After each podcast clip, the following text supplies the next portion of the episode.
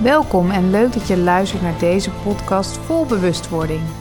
De podcast om je bewustzijn te verhogen, om van angst naar liefde en vertrouwen te gaan, van onbewust naar bewust. Dit is 100% bewust. Vandaag heb ik een interview met Brian van Leeuwen. Hij heeft een boek geschreven met de titel Het had zomaar anders kunnen aflopen. Hij vertelt hoe hij van drugs naar vrijheid is gegaan. Ik wens je veel luisterplezier. Welkom Brian bij 100% Bewust. Leuk dat je er bent. Je hebt een boek geschreven met de titel Het had zomaar anders kunnen aflopen. Een intense en, als ik het mag zeggen, best wel mooie reis eigenlijk die je hebt afgelegd. We gaan het in deze podcast daar ook over hebben. En zou je je even willen voorstellen aan de luisteraars? Natuurlijk, dankjewel dat ik uh, hier mag zijn vandaag ook. Mijn naam is Brian van Leeuwen, ben 31 jaar. En ik heb inderdaad een boek geschreven met de titel Het had zomaar anders kunnen aflopen. En dat boek vertelt eigenlijk het verhaal van ja, mezelf helemaal kwijtraken en drank, drugs, relaties en festivals. En hoe ik daar uiteindelijk uitkom. En hoe ik dat een soort van weet te transformeren, weet om te buigen tot een, ja, tot een magisch leven. Dus ik dat nu wel steeds meer ervaar. Ja, ik heb het boek gelezen. Echt heel relaxed geschreven wel en mooi. Uh, en intens ook, wat ik net mhm. zei. Ehm, hoe ben je erop gekomen dat je dat boek ging schrijven? Dat was niet mijn idee. Ehm, mijn eerste retraite waar ik een soort van ook van wakker werd en waar ik aan de slag ging met mezelf. Ehm, daarna kreeg ik ineens het idee van oké, ik moet iets gaan doen. Ik heb de laatste jaren heb ik echt verschillende methoden geleerd. Dus ik dacht, nou, is ook nog eens corona, de hele wereld zit op slot. Ik ga een boek schrijven met zoveel methoden en dan ga ik mensen helpen. Ehm, maar niet wetende dat ik daar nog helemaal niet aan toe was. En niet veel later verhuisde ik dus naar Zuid-Frankrijk. Toen heb ik dat concept opgestuurd naar Robert Bridgman, de eigenaar van dat centrum. En die had het dus stiekem naar de uitgeverij gestuurd. En toen kreeg ik een reactie terug van de uitgeverij. En die vertelde mij van Brian, heel mooi, heel leerzaam, maar dit gaat niet verkopen. Heb je geen verhaal? En toen dacht ik, ja, die heb ik wel. Maar ik weet niet of ik dat ga schrijven. Uh, maar dat waren de stemmings in mijn. Want van binnen voelde ik gewoon, ik ga dit doen. Dus toen ben ik uitgenodigd om het verhaal te gaan schrijven. Toen heb ik eigenlijk eerst vanaf de baarmoeder tot mijn 28ste levensjaar heb ik alles op papier gezet. Nog een keer aangeleverd. Toen zei ze, mooi, maar nu veel te langdradig. Ga er nu eens een verhaal van maken. En begin dan bij een moment ja, die voor jou eigenlijk alles bepalend was. Een soort van omslagmoment, ja, een keerpunt in je leven. Ja, want wat was dat moment? Ja, dat begon op een zomerse dag. Ik was in Breda op een strandje. En ik gebruikte toen al veel te veel drugs. En ik had een date en wij vonden het allebei een goed idee om GHB te gaan gebruiken.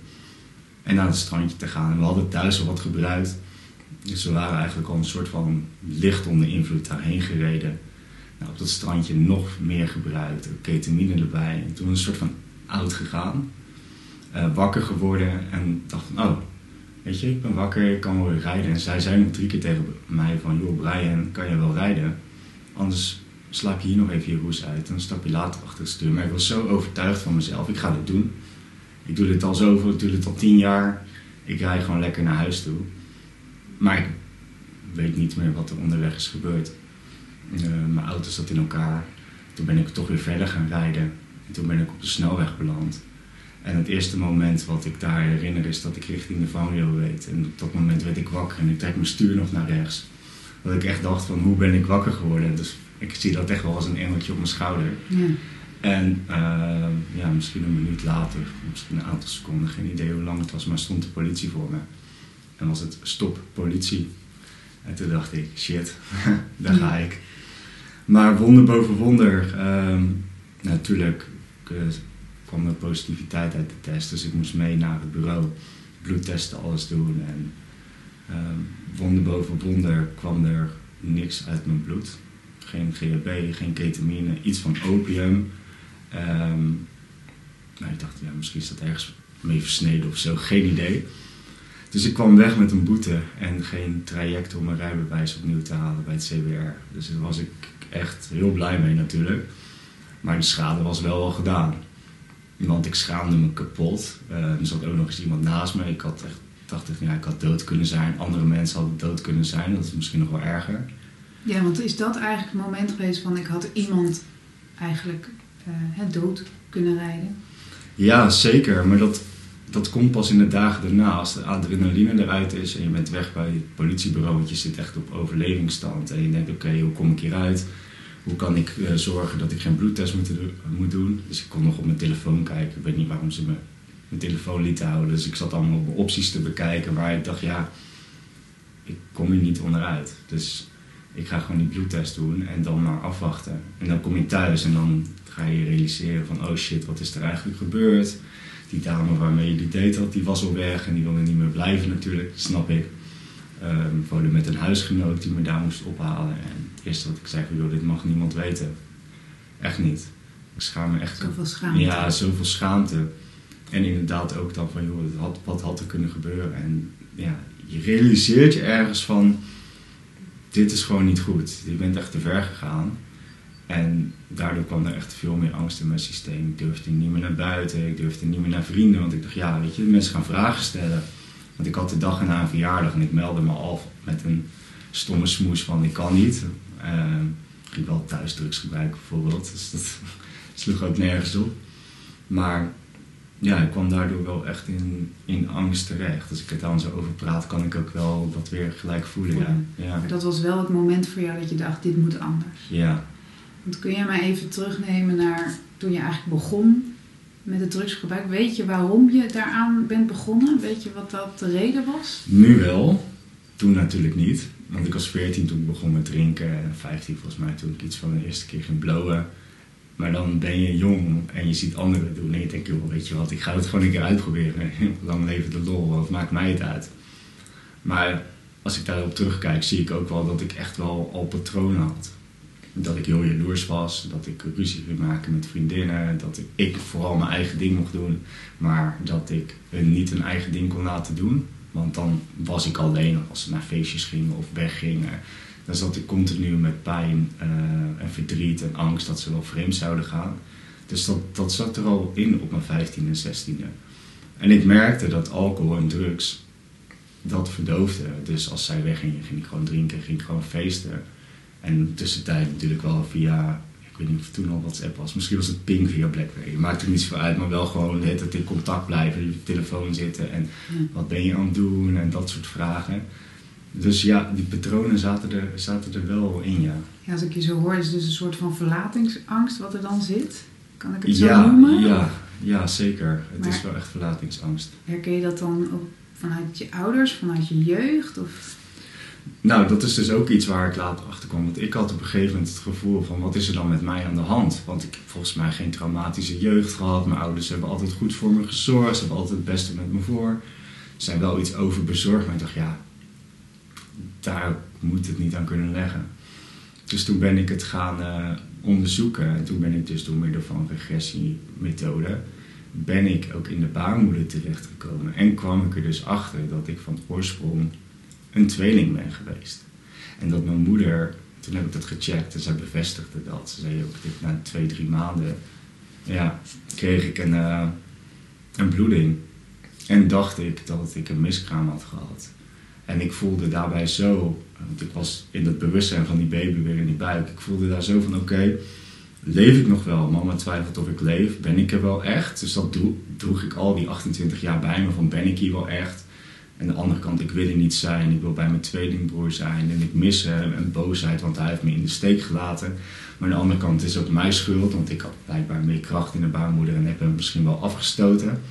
Dus ik begreep ineens van, oh, dit spelletje wat ik kan doen met drank en drugs en festivals en relaties, dat heb ik ook al die tijd gedaan met, met mijn tweelingbroer. Dus ik ben dat gewoon aan het herhalen. En door dat dus aan te kijken, te helen, merkte ik ineens van, oh ja, het, het glijdt van me af. Het behoefte om te verdoven wordt minder. En dat was wel een van de belangrijkste lagen. Uh, maar er zit ook veel meer lagen, want ik zag ook dat het in de familielijn zat en trauma van andere levens wat ik bij me droeg. Dus allemaal een soort van pijn om hier niet echt op aarde te durven of te willen zijn.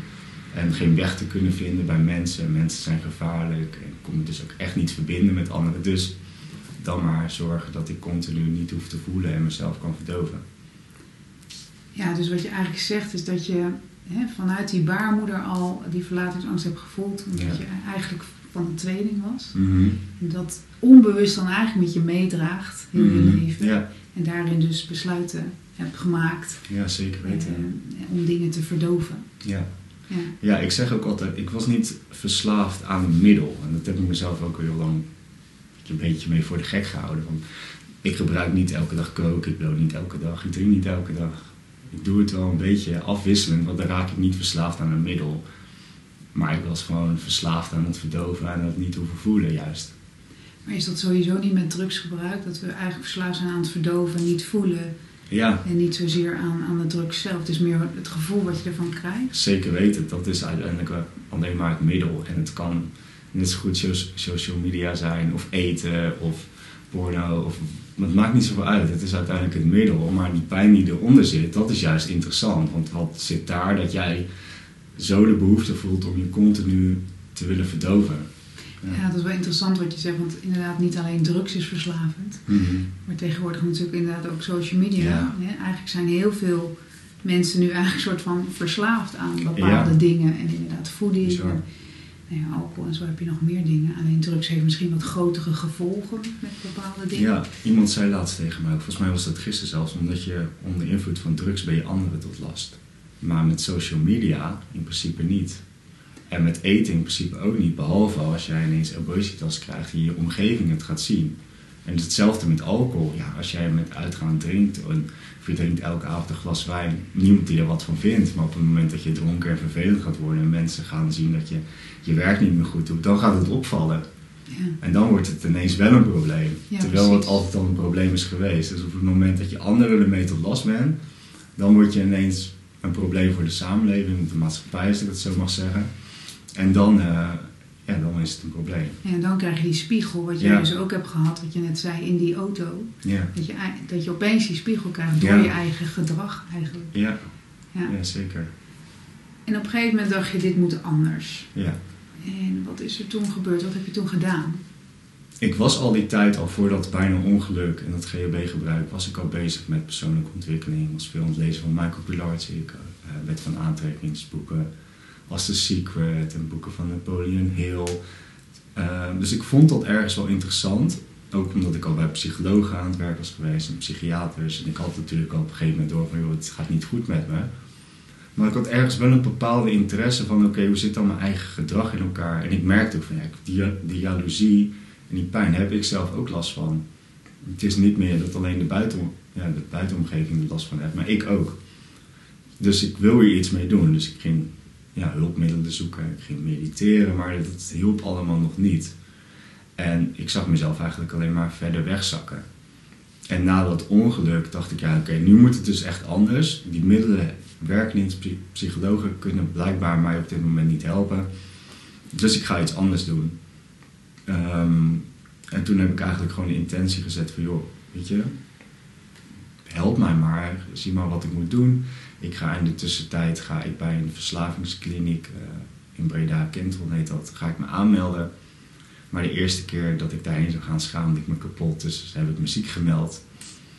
En een week later hoorde ik dus ineens Michael Pilarczyk in een video zeggen, als je een levensveranderende ervaring wil, ga naar Terra Nova. En ik dacht, nou ja, weet je wat, ik heb helemaal niks meer te verliezen, dus ik ga gewoon boeken. Dus ik heb een retraite geboekt.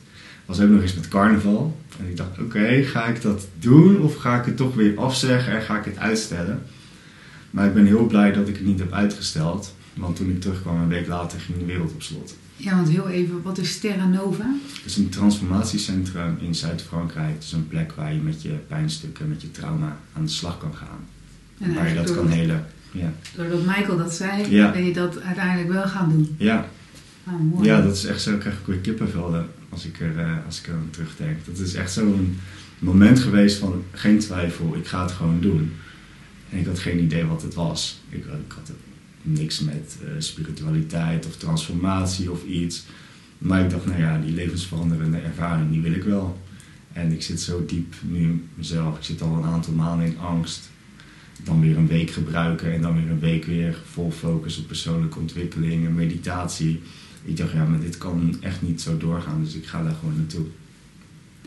Oké, en toen ben je daar gewoon heen gegaan in plaats van Ja. naar de carnaval, wat je, Ja. net, eh, wat je liever eigenlijk misschien wilde. ja, ja. En ben je naar Terra Nova in Zuid-Frankrijk. Ja, want mijn vrienden toen de tijd, die verklaarden me natuurlijk voor gek.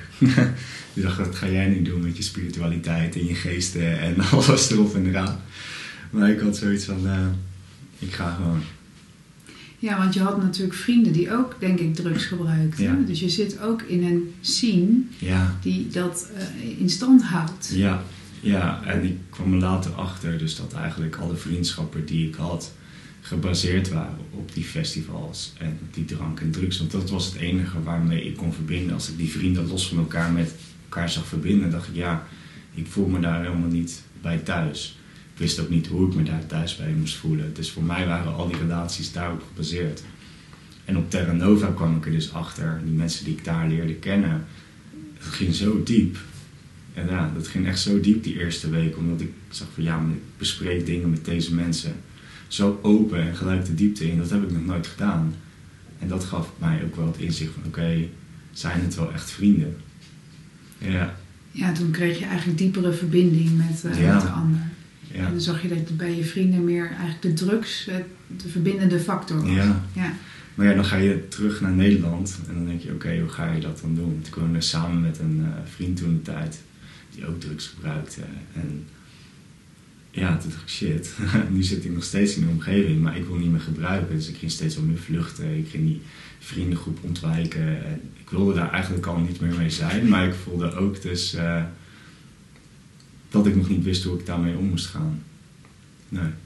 ja, hoe je die vriendschap kon behouden. Of, Ja, of juist niet. ja. Eh, want ik merkte wel dat zij daar niet voor open stonden. Zij we zijn blij voor je dat jij dit pad op gaat, maar, maar wij hoeven dit niet. En zij gingen verder met feesten en alles erop en eraan. En ik moest daarvan weg. Want ik weet als ik daar weer in ga duiken, dan, dan kom ik weer bij hetzelfde neer. En ik had zo een drijf van die retraite gekregen van joh, ik ga me volledig op mezelf ontwikkelen, op mezelf focussen en mezelf ontwikkelen. Eh, ik ga gelijk met de coach aan de slag. Ik wil gewoon mijn pijn aankijken en mijn trauma aankijken. En dat is gewoon wat ik te doen heb. Want ik voelde zoiets magisch in die week van dit, dit waar al die psychologen en psychiaters en al die methoden die ik had beoefend, die kwamen niet daar waar ik in die retraite bij kwam. En dat was voor mij echt een teken van oké, er is hoop. Ik ben te helpen, dacht ik toen. Dus ik ga hier volledig induiken. ja, want was je bang dat, dat je nooit meer ervan af zou komen? Of dat dat je leven was? Of, Je bedoelt ook drugsgebruik? Ja. Ik heb dat wel heel lang gedacht, maar ik heb het zelf ook heel lang onbewust gemanifesteerd. Dat dacht ik achteraf, want ik wilde die gekke jongen zijn. Ik wilde die festivalboy zijn. Ik wilde er lang leven de rol en alleen maar daar bezig mee zijn. Ik dacht zelfs, ik ga een bedrijf hierin beginnen. Mm, dus in het begin leek dat allemaal heel mooi. En toen was ik daar eindelijk en toen zag ik ja, inderdaad dat ik gewoon verslaafd aan het worden was. En toen wilde ik dat natuurlijk niet meer. Ja. Maar ik wist ook niet hoe ik eruit moest stappen. hoe ben je er uiteindelijk wel uitgestapt? Ja, ik heb eh, na die retret heb ik één keer een terugval gehad. Want ik werd eh, in, tijdens die retret werd ik verliefd op een meisje. Nou, heel verrassend. Dus later zag ik ook van ja, dit is gewoon weer een deel van mij. Wat dan ergens de liefde ja, aan wil vastklampen. En dat, dat, heeft me wel geholpen. Dat heeft me zeker de eerste twee maanden na die retret dat we samen waren, heeft dat echt geholpen. Want ik was zo in liefde, het gaf me kracht om met mezelf aan de slag te gaan. En op de, van de een op de andere dag zei ze ineens van, joh, ik wil het niet meer. Eh, zonder reden, heb ik eh, contact verbroken, alles erop en eraan. En dat deed zo'n pijn en ik wist eigenlijk maar één manier. En dat was mezelf verdoven. Dus toen ben ik een week lang ben ik weer drank en drugs gaan gebruiken. Echt elke dag porno kijken, alleen maar op mijn telefoon zitten, serie kijken. Echt compleet van de wereld en hier niet willen zijn. Maar tijdens die week had ik wel mijn bewustzijn al verruimd. Dus ik, ik zag al entiteiten. Ik begon meer aliens te zien. Ik begon mijn gidsen te zien, engelen te zien. Dus ik zat al in het veld. Dus wat ik merkte toen ik drugs ging gebruiken, zag ik dat ineens allemaal. En dat werd voor mij nog een grotere vlucht. Maar niet wetende dat ik met al dat drank en drugsgebruik ook het donkerte aan het binnenhalen was. Zeker zeven dagen achter elkaar. Dus na zeven dagen kwam ik zo in donkerte terecht. En ik had voor mijn gevoel echt, ik zag mezelf zelf echt in de hel belanden. Zo, zo diep, zo donker. En ik lag in bed en ik dacht echt, ja, ik, ik ga dood. Ik sprong omhoog. Het is alsof ik hier iets in mijn hart voelde. En ik ben op mijn knieën gaan zitten. En ik heb echt gezegd van oké, ik ben licht, ik ben licht, ik ben licht. Help me alsjeblieft. Ik ga hiermee stoppen. Ik ga voor mezelf kiezen. En dat ben ik toen gaan doen. Dus toen heb ik het ja, een soort van afgekapt. En de dag daarna zei een vriend tegen mij, moet je niet gewoon op Terra Nova gaan wonen? Dus toen ben ik bij een van de oud-bewoonsters ben ik contact gaan opzoeken en zei, nou, dat lijkt me wel een goed plan. We gaan het hier uh, voorleggen. En nog geen anderhalve maand later kon ik daarheen verhuizen. Om daar gewoon eerst te gaan wonen. Het idee was eerst om daar gewoon op vakantie te gaan. Gewoon zes weken en daar te ondersteunen. Maar na twee dagen voelde ik echt al van, ik wil hier niet meer weg. Ik heb, anders kom ik weer thuis in hetzelfde patroon en het gaat me niet helpen. Dus toen heb ik gevraagd, mag ik voor onbepaalde tijd blijven? En daar ben ik uiteindelijk 15 maanden gebleven. Oh, wow. Daar in Zuid-Frankrijk ja. bij die retretten. Ja, en dat was natuurlijk moeilijk, want ik liet mijn vrienden achter. En ja, dat zijn op dit moment zijn dat ook niet meer mijn vrienden. Uh, mijn ouders, die ineens van de een op de andere dag hoorden van, joh, hij komt niet meer terug. Uh, maar ik voelde zo sterk, ik heb hier iets te doen. En ja, dat bleek ook. Dus ik ben daar ook opgeleid tot healer. Ik heb verschillende opleidingen gedaan. Uh, ik heb als personal assistant daar gewerkt bij Robert Bridgman, uh, retretes begeleid. Dus ik heb daar zo een mooie tijd ook gehad. Het is eigenlijk ook een beetje een studie uh, geworden. Ja, zeker. Ja. Het is een studie geworden. Het is heel intens geweest, want die plek, het is een krachtplek en het staat op kristallen. Het is alles wat onzuiver is, dat wordt een soort van uit je systeem gedrukt. Dus alle donkerte, alle pijn, dat komt eruit. En het zijn allemaal spiegels continu. Dus na 15 maanden merkte ik ook echt, ik ben op. Ik, ja, en het was voor mijn gevoel was mijn cirkel ook rond. Ik merkte, ik mag terug naar Nederland. Ik kan dit nu zelf. Ik mag leren nu op eigen benen te staan. Maar ik merkte ook echt dat ik na 15 maanden zo hard aan mezelf werkte. Dat ik echt wel op was en dat ik rust nodig had. Dus toen ben ik teruggegaan naar Nederland. En toen ben ik eigenlijk gelijk uh, mijn eigen praktijk gaan oprichten. Met workshops aan de slag gegaan. En ja, zodoende is dat steeds meer gaan rollen. En was ik een boek aan het schrijven. Ja, super. Ja. Ik hoor eigenlijk wel meerdere um, stukken, want je hebt in je boek inderdaad over die, uh, die auto, hè, dat je dat ongeluk ja. maakt. Maar eigenlijk hoor ik ook uh, Mike Pilarczyk met Terra Nova. En ja. dan hoor ik nu eigenlijk dat stuk uh, dat je echt in de diepe, donkere stukken bent gekomen hè, na die retretten. Weer even terugval. En dat dan eigenlijk drie dingen zijn die best wel intens zijn geweest ja. voor jou. Ja. Waardoor je die omslag hebt gemaakt. Nog even dat donkere stuk, wat, wat, wat bedoel je daar precies mee? Hè? Voor de luisteraars die denken van, nou ja, wat bedoel je dan met, uh, kom ik in donker, trek ik ja. donker aan? Wat, wat is dat precies? Ja, het, voor mij is dat echt een gevoel van binnen. Want ik voelde me zo leeg. Ik weet niet, heb je Harry Potter gezien? Dan heb je die dementor, hè? die een soort van de energie uit je zuigen zo voelde ik me dus ook. Dat er geen leven meer in me zat. Dat ik niet meer blij was. Dat ik verdrietig was. Boos was. Ik voelde me zo leeg. En dat had ik wel vaker sinds ik drugs aan het gebruiken was. Sinds dat ongeluk. Ik me zo leeg voelde. In paniek. Uh, angststoornissen. En dat kwam, het was echt alsof dat allemaal in één keer zeg maar op me afkwam. En dat ik dacht, kan, ik trek dit niet. Dus ik heb iets nodig. Maar ik wist inmiddels ook al dat ik licht was. En dat ik liefde was. En dat ik me daarmee kon verbinden. En dat ik dat kon aanroepen en om hulp kon vragen. Dus dat ben ik toen gaan doen. Ja, ja want nou, ik doe ook natuurlijk healings. Mm -hmm. Ik zie dat altijd als trillingen. Ik weet niet of je het ja. herkent.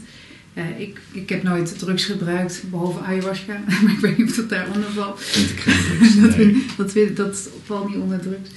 Uh, maar hè, er zijn bepaalde trillingen. En ik zie het altijd zo, drugs is dan een lage trilling. Waar je inderdaad ja. uh, op een uh, wat donker niveau of minder mm. goed niveau uh, aantrekt. Ja. En uh, hè, wij leven dan in bepaalde trillingsniveaus. En mm. hoe meer je hè, vanuit het licht kan leven, hoe hoger ja. de trilling. Heb je dat ook zo ervaren dat drugs jou ook die lage trilling gaf? Of was het voor jou ook soms een hoge trilling? Ja, dat klinkt misschien een beetje raar. Ja, ja nee. Op het moment wel. Zeker later niet meer hoor. De laatste jaren van mijn drugsgebruik was het eigenlijk alleen maar dat ik met angst voor hartaanvallen op een festival liep. Maar in het begin merkte ik wel, ik weet toch wel, mijn eerste pilletje op een hardstyle festival. Was in het 18. En dat was fantastisch. Iedereen was mooi, iedereen was blij en gelukkig. En ik werd daar echt verliefd op de festival, omdat ik mensen alleen maar met een glimlach zag lopen. En dat vond ik, dat vond ik heel erg mooi. Want daar voelde ik die vrijheid die ik van binnen verlangde. Maar de dagen daarna, ja, ja precies zo'n gat. Krijg je een dip. Ja, zo'n dip. Ja, want het voelt als een hoge trilling. Het voelt Ja. fantastisch. Mhm. Maar eigenlijk is het een soort illusie dan, toch? Het is, ja, ik, het is een soort van illusie. Maar je haalt gewoon een staat in jezelf naar boven die er al zit. Anders kan je daar niet komen.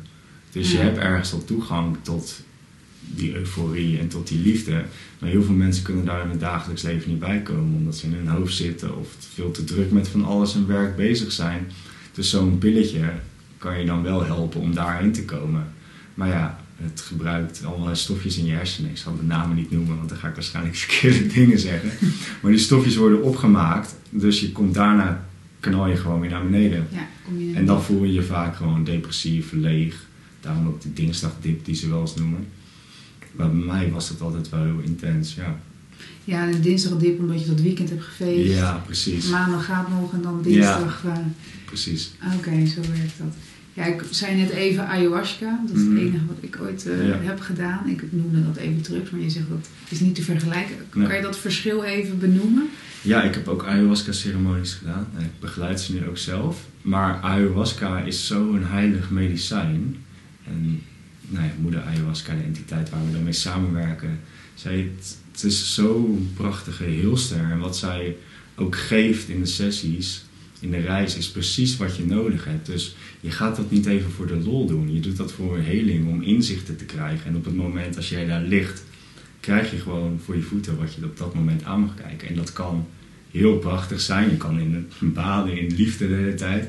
Maar het kan ook wel zijn dat je ontzettend geconfronteerd wordt met pijnstukken die je heel lang wegdrukt. Plus, er zit een dieet aan van tevoren, dus je mag echt bepaalde dingen niet eten. De laatste drie dagen is het helemaal streng. Dus het is zeker niet iets wat je zomaar doorheen kan doen. Dat is zelfs heel gevaarlijk. Je moet ook nuchter blijven. Je mag geen medicijnen, geen drank, je mag geen drugs. Zo zuiver mogelijk moet je erin.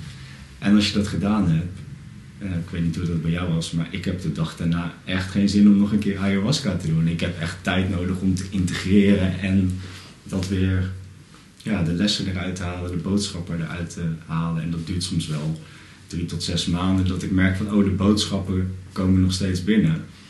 En wanneer het dan tijd is om weer een reis te maken, dan voel ik haar wel weer roepen. Dan heb ik echt een gevoel van, oh ja, dit, dit, dit mag ik doen. Je kan ja. het weer. Maar, ja, maar dat ik merk dat ik het heel belangrijk vind dat daar de veiligheid echt fijn in is. Ik heb het zelf nooit ook in een groep gedaan, want dan, ik sta super open. Ehm, dus dan voel ik iedereen zijn processen en iedereen zijn pijn. Dus ik doe het zeg maar alleen voor maximaal vier personen op dit moment, samen dan met Esther, dat is mijn vriendin. Om dat echt in veilige banen ja, te kunnen leiden. Maar het is een prachtig medicijn. Maar intens en geen speelgoed.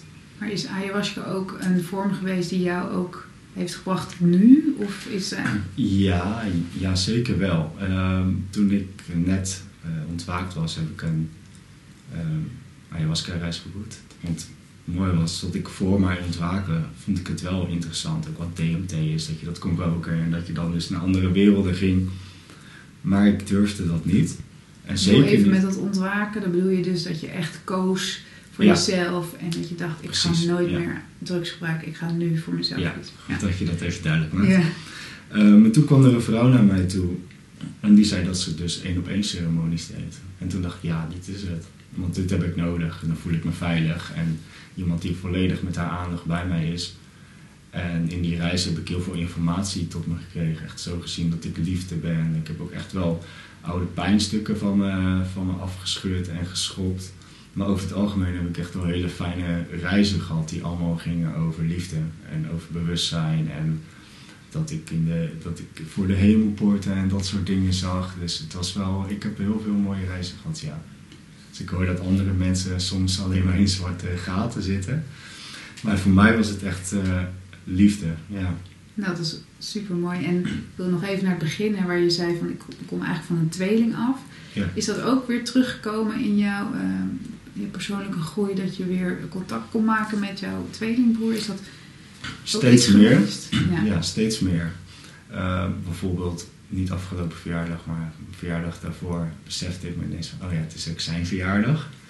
Ehm, maar ik heb het gevoel dat het nog wel ja, wat meer intens gaat worden. Op dit moment staat het al een beetje op een laag putje, maar ik weet wel dat die er is. Maar ik heb wel het gevoel dat die samenwerking nog meer gaat komen. Iemand heeft me ooit verteld, op het moment dat je als tweeling eigenlijk geboren wordt te worden en eentje te verlaat, dan is het omdat je een wat grotere taak op aarde hebt. En die andere, dat was de hond, en de andere, zeg maar meer vanuit het spirituele rijk, jou daar een soort van ondersteuning geeft, als een soort van, als een soort van gids. Ja, mooi. Ja. Dat had ik nooit begrepen. Ja. Toevallig ben ik zelf ook eh, Mm. van een tweeling. Mooi. Dus ik herken het verhaal. Ja. Maar je hebt eigenlijk best wel hè, een intens eh, drugsleven gehad. Dat staat ook echt in je boek. En uiteindelijk kies je inderdaad voor jezelf. En ben je nu gewoon eigenlijk zelf... Ja, hoe noem je jezelf? Is het hier? Ja, dat is de hond die wil naar binnen. Ja. Helemaal goed. ik, ja, healer, ik vind het allemaal eigenlijk mijn naam. Je kan het healer noemen, ik kan mezelf schrijver noemen, spreker, inspirator. Ja, Het maakt, het maakt in principe niet zoveel uit. Het is ook maar een rol die ik op dat moment aanneem. Want als wij hiermee stoppen straks, ja, dan ben ik misschien gewoon weer hondenpapa. Als we het toch even over honden hebben. Dus het, is, het neemt gewoon verschillende rollen daarin aan. Ja. Nu denk ik, oh ja, ik kan in deze rol stappen. En straks kan ik er weer uit en dan kan ik weer in een andere rol stappen. ja. En dat heb ik mezelf dus weten aan te leren door meer zeg maar, de observeerder te worden van mijn eigen leven. Dan continu er helemaal in te zitten. ja. Ja. Want in je boek op het einde heb je eigenlijk ook... Hè, dan kan je nog eh, verder. Dan heb je een soort eh, QR-code. Ja. Dan kunnen ze toch nog niet door. voor vaccinaties. Het is niet voor vaccinatie. Het is een leuke QR-code, Ja. zeg maar. Precies. Eh, want wat leer je ze dan? Wat kunnen ze daarmee? Ja, daar zijn eigenlijk 21 methoden in voor een authentiek, transformerend en vrijer leven. En dat zijn eigenlijk de methoden die ik ook ben ondergaan. Dus hoe ben ik begonnen? Zeg maar een stukje reflectie. Waar sta ik in het leven? Eh, wat wil ik van het leven? Wat zijn mijn doelen? En daar begint het eigenlijk mee het gaat steeds een stapje verder. Dus op een gegeven moment komen de meditatie, meditatietechnieken aan bod, transformatiemethoden, waarom het zo belangrijk is om te leven vanuit zelfliefde. En het eindigt eigenlijk met het hoofdstuk leven vanuit overgave. En toen dacht ik, oh ja, dit is nu wat ik nog steeds eh, aan het proberen ben en steeds dieper mezelf in aan het vinden ben. Dus dat, die reis, de transformatiereis die ik heb gemaakt, die heb ik dus in verschillende methoden uitgeschreven. Ja, om zo andere mensen te helpen. Want is dat Ja. ook echt je missie? Dat, om andere mensen hiermee te helpen? Niet helpen, want ik vind dat eh, helpen vind ik niet zo'n fijn woord, maar eh, wel begeleiden en inspireren. Ja. En in het begin wist ik dat ook niet, hoe ik dat dan precies wilde doen, maar dat is gewoon steeds meer aan het ontvouwen. En ik wil eigenlijk mensen gewoon laten zien dat er andere ma- manieren zijn om met jezelf aan de slag te gaan. Want het is ook niet mijn doel van het boek om te zeggen, deze methoden zijn het. Maar juist van, joh, ga ze uitproberen en kijk voor jezelf wat werkt wel en wat werkt niet. Want voor mij, ik vind ook niet alles fijn. En als iets niet bij mij past, dan doe ik het niet. Maar het nodigt je wel echt uit om gewoon ja, meer naar binnen te gaan. En ja, steeds meer je droomleven te gaan leven. En gewoon, ik denk dat dat het belangrijkste is. Om gewoon blijer met jezelf te zijn. Vrijer in jezelf te voelen. En keuzes te kunnen maken die ja, passend zijn bij je ziel. Wat zou je iemand willen meegeven die ook in deze situatie zit? Die bijvoorbeeld ook te veel drugs gebruikt of verslaafd is aan iets anders. Heb je daar een tip voor? Of heb je iets wat je daar Ja, wil meegeven? Dat, dat is het ook gewoon. Ga ook gewoon kijken wat er allemaal is. En geef ook niet op. Er is hoop. Op het moment dat je merkt van oké, ik het komt me niet uit bij die psycholoog of de psychiater kan me niet helpen. Er zijn veel meer hulpmiddelen. Maar er is één ding wat je wel altijd zelf mag doen. En dat is gewoon die eerste stap zetten. En die eerste stap is voldoende. Want als je die eerste stap zet, dan komt er wel weer een volgende. Je hoeft niet te weten wat het eindplaatje is of waar je over tien jaar staat of dat je eruit hoeft te komen. Het enige wat je hoeft te weten van oké, eh, misschien ga ik vandaag drie pagina's uit een boek lezen. Of misschien ga ik vandaag proberen om twee minuten te mediteren. Of ga ik gewoon eens een keer met iemand praten. Maar gewoon hele kleine dingen. En als je telkens die kleine dingen doet, dan ga je vanzelf al, ja, hoe je van binnen in elkaar zit, ga je dat al veranderen. Dat gebeurt dan automatisch. Je moet jezelf gewoon nieuwe methoden aanleren om te leren leven. Ja, dus eigenlijk in kleine stapjes hè, toch gaan doen. Ja, Eh, ook al faal je af en toe. ja het- uiteindelijk is dat ook geen falen. Ik faal ook nog steeds. Ik ga ook vaak onderuit. Maar dat hoort erbij. Dat zijn leermomenten. Om uiteindelijk te zien wat wel bij je past, wat niet bij je past. Of hoe je iets kan gaan masteren. Ja. Ja, dus uiteindelijk met kleine stapje, stapjes kom je uiteindelijk wel waar je wil zijn. Ja, is hetzelfde ook met de podcast bijvoorbeeld opnemen. De eerste video's die ik opneem, ik durf er bijna geen eens naar terug te kijken. Ik zo, wat zit ik te stotteren en te doen.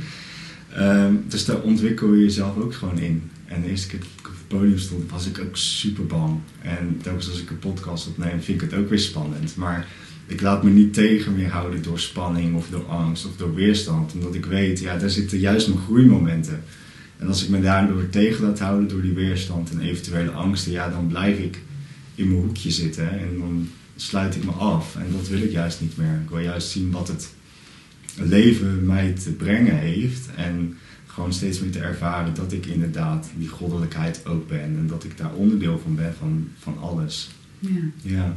Ja, en degene die ehm, dus nu aan de druk zit en denken er niet meer uit te komen, is, moet er een moment voor hun komen? Of is het, hè, je zei in kleine stapjes. Mhm. Ik kan me ook voorstellen dat sommigen nog niet daar zijn. Moet je ergens op een bepaald bewustzijnsniveau zijn om daaruit te kunnen stappen? Of denk je dat het altijd wel mogelijk is? Ik denk dat het altijd wel mogelijk is, want ik was ook niet in eerste instantie op het bewustzijnsniveau waar ik nu ben. En ik ging ook aan de slag met psychologen. En als ik, toen ik aan de slag ging met een psycholoog, leerde ik over mijn gedrag. En dan dacht ik, oh ja, oké, dat vind ik wel interessant. En dan ineens komt er een boek op je pad en dan komt er dat weer op je pad. Dus op het moment dat je voor jezelf intern kiest, echt vanuit je hart van ik wil verandering, ik wil iets anders met mijn leven, dan vertrouw ik er zelf al op van, oh ja, dan gaat het leven voor me zorgen. Dus dan komt er ineens een boek op mijn pad, komt er ineens een persoon op mijn pad die me een bepaalde boodschap geeft. Dus dan ontstaan er een soort van allemaal synchroniciteiten om je leven, Ja.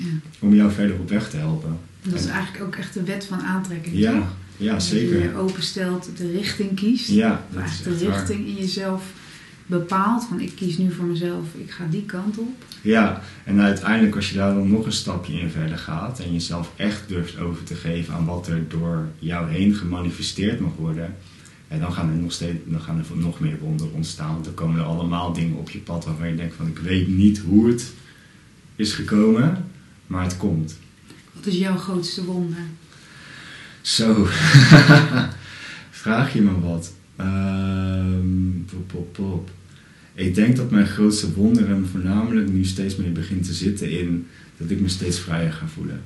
En dat ik in mezelf ga geloven. Ik heb altijd bijvoorbeeld thematieken gehad met geld. Het zelf niet waard vinden, niet kunnen reizen, geen opleidingen kunnen doen. Terwijl het wel altijd geregeld werd dat ik opleidingen kan doen. En nu voel ik zo de vrijheid om te kunnen gaan en te staan waar ik wil. Omdat ik dingen ook gewoon plan. En ik denk van ja, weet je, als het de bedoeling is, dan komt het wel naar me toe. Dan komt het geld wel naar me toe. Of dan komt er wel een opleiding op mijn pad. En als mensen ineens dan een afspraak afzeggen of het gaat niet door of een reis gaat niet door, dan denk ik gewoon, oké, weet je, dan zou dat wel de bedoeling zijn. Dan geef ik me daar aan over. En dan mag er vast iets beter op mijn pad komen. Dus het is gewoon, het is niet echt in woorden denk ik uit te leggen wat mijn grootste woorden, wonder is, maar misschien zit ik aardig in de buurt. Maar het is meer een gevoel van binnen. Ja, het, meer vrijheid en Ja. eigenlijk meer vertrouwen. Ja, In het leven misschien. wel, ja. Misschien ben je echt gaan leven. ja, dat gevoel ik wel. Ja, mooi. Nou, voor de luisteraars, als ze je boek willen lezen, wat een aanrader is, waar kunnen ze dat vinden? Waar kunnen ze dat kopen? Gewoon op mijn website. En dat is eh brianvanleeuwen.com. En daar staat alles wat ik doe en wat ik aanbied. En daar kunnen ze ook het boek vinden. Ja, en Ja. in dat boek zit dus die eh, QR-code waar Ja. ze nog meer eh, mee kunnen. Ja. Ik wil je heel erg bedanken voor dit Dankjewel. interview. Ja. Super mooi. Dat is de hond die af en toe komt. Maar Ja. eh, ik vond het een super mooi gesprek. Ik hoop dat het niet te veel heeft eh, gestoord. Komt wel goed. Mm. Hé, hey, dankjewel. Bedankt voor het luisteren naar deze podcast. Leuk dat je erbij was. Wil je nog meer weten over persoonlijke groei? Kijk dan even op mijn website mirandabeuk.nl. Vond je deze podcast inspirerend? Geef dan een leuke review en abonneer of volg deze podcast zodat je niks kunt missen om van angst naar liefde en vertrouwen te gaan. Heb jij nu zelf een situatie waar je in vastloopt? Stel je vraag dan via mijn website bij De Bewuste Vraag. En ik zal deze zo snel mogelijk voor jou gratis beantwoorden. Bedankt voor het luisteren.